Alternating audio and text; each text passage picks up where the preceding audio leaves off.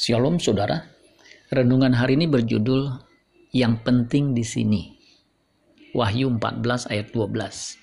Yang penting di sini ialah ketekunan orang-orang kudus yang menuruti perintah Allah dan iman kepada Yesus. Tuhan Yesus memberi contoh konkret bagaimana hidup tekun, beriman, dan menuruti perintah dan kehendak Allah. Ia bukan hanya berkata, makananku ialah melakukan kehendak dia yang mengutus aku dan menyelesaikan pekerjaannya.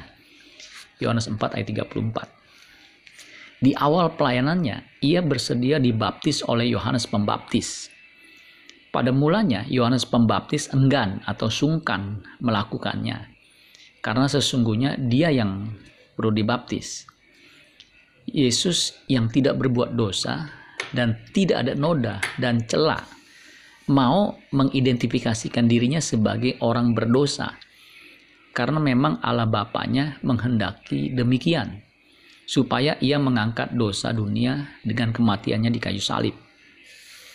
Itulah sebabnya ketika Yohanes Pembaptis hendak mencegah dia dibaptis, Tuhan Yesus menjawab di Matius 3 ayat 15, lalu Yesus menjawab katanya kepadanya, Biarlah hal itu terjadi, karena demikianlah sepatutnya kita menggenapkan seluruh kehendak Allah.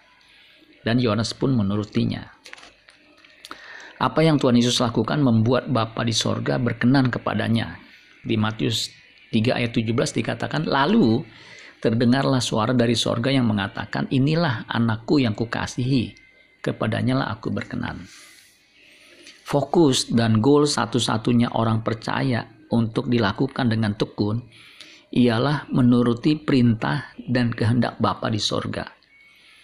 Orang Kristen yang mengaku percaya kepada Tuhan Yesus dengan benar pasti melakukan seperti yang dilakukan Tuhan Yesus. Amin buat firman Tuhan. Tuhan Yesus memberkati. Sola Gracia. Shalom saudara. Renungan hari ini berjudul In a Great Trouble.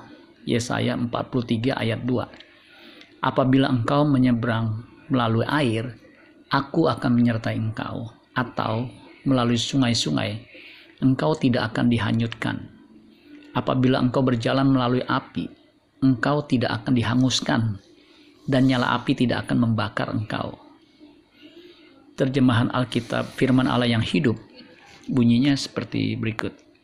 Apabila engkau mengarungi air yang dalam, kesukaran yang hebat, aku akan menyertai engkau. Apabila engkau menyeberangi sungai kesulitan, engkau tidak akan hanyut. Apabila engkau melintasi api, penindasan, engkau tidak akan hangus. Api itu tidak akan membakar engkau. Ini janji penyertaan Tuhan yang diungkapkan oleh Allah semesta alam kepada umatnya yang percaya kepadanya.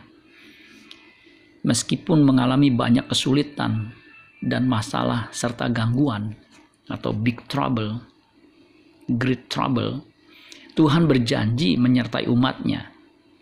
Hidup manusia tidak lepas dari problem dan trouble. Kita bisa melaluinya bersama dengan Allah. Di Filipi 4 ayat 13 dikatakan begini, segala perkara dapat kutanggung di dalam dia yang memberi kekuatan kepadaku. Paulus menghayati penyertaan Allah dan ia membagikan pengalamannya kepada jemaat di Filipi. Filipi 4 ayat 13 terjemahan Amplified Bible bunyinya sebagai berikut.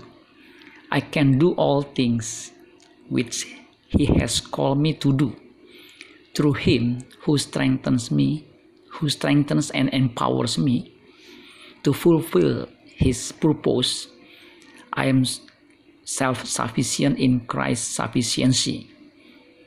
I am ready for anything and equal to anything through him who infuses me infuses me with inner strength and confidence confident peace jadi Allah bukan saja menyertai orang percaya tetapi juga menginfus kekuatannya supaya bisa menanggung semuanya itu. Jadilah Kristen yang kuat di dalam Kristus. Amin buat firman Tuhan. Tuhan Yesus memberkati. Sola Gracia.